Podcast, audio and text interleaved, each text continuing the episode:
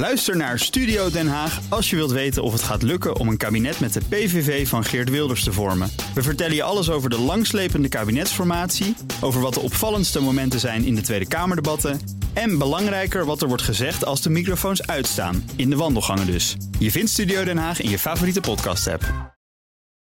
De column van Jaap Jansen. Aan het begin van het parterre jaar hangt een grauw sluier over het Binnenhof.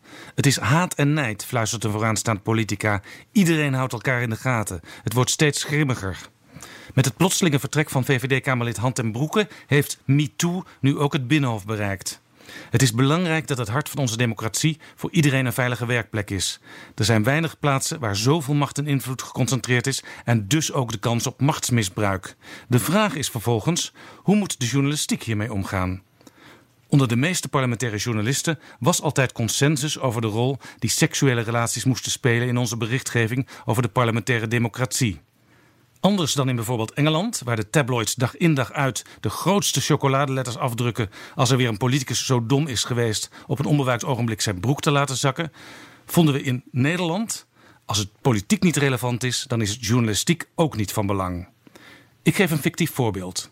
Een SGP'er die naar de hoeren gaat, is al snel politiek kwetsbaar, want seks voor het huwelijk mag niet in de kringen en seks tijdens het huwelijk alleen met je echtgenoot. Hoe geloofwaardig is zo'n SGP'er dan nog als blijkt dat hij dames van lichte zeden bezoekt? En een politicus die in zijn retoriek keer op keer het belang van het gezin als hoeksteen van de samenleving benadrukt, maakt zich ook kwetsbaar. Geruchten over schuinsmarcheerderij van ministers, Kamerleden, assistenten en andere binnenhofbewoners deden het altijd goed op de terrassen rond het Haagse plein. Weet je dat die en die na de ministerraad altijd. Oh ja? Interessant, vertel eens verder. En hoe zat het ook alweer met dat Kamerlid en die griffier tijdens dat feest in Nieuwspoort? Hoogst vermakelijk, maar voor de krant niet relevant.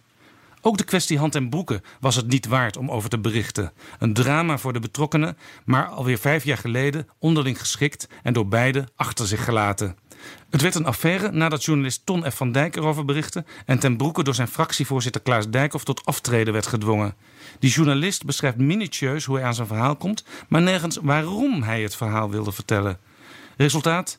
Twee mensen die het achter zich hadden gelaten, publicitair en persoonlijk in de kreukels. Een veeg op het blazoen van Halbe Zijlstra, die door de journalist is aangewezen als de bron die het verhaal bevestigde.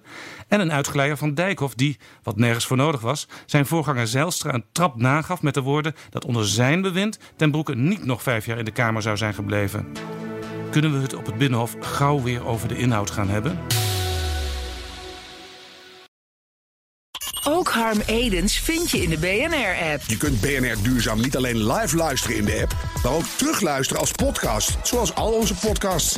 En naast dat de BNR-app Breaking News meldt, houden we je ook op de hoogte van het laatste zakelijke nieuws. Download nu de gratis BNR-app en blijf scherp.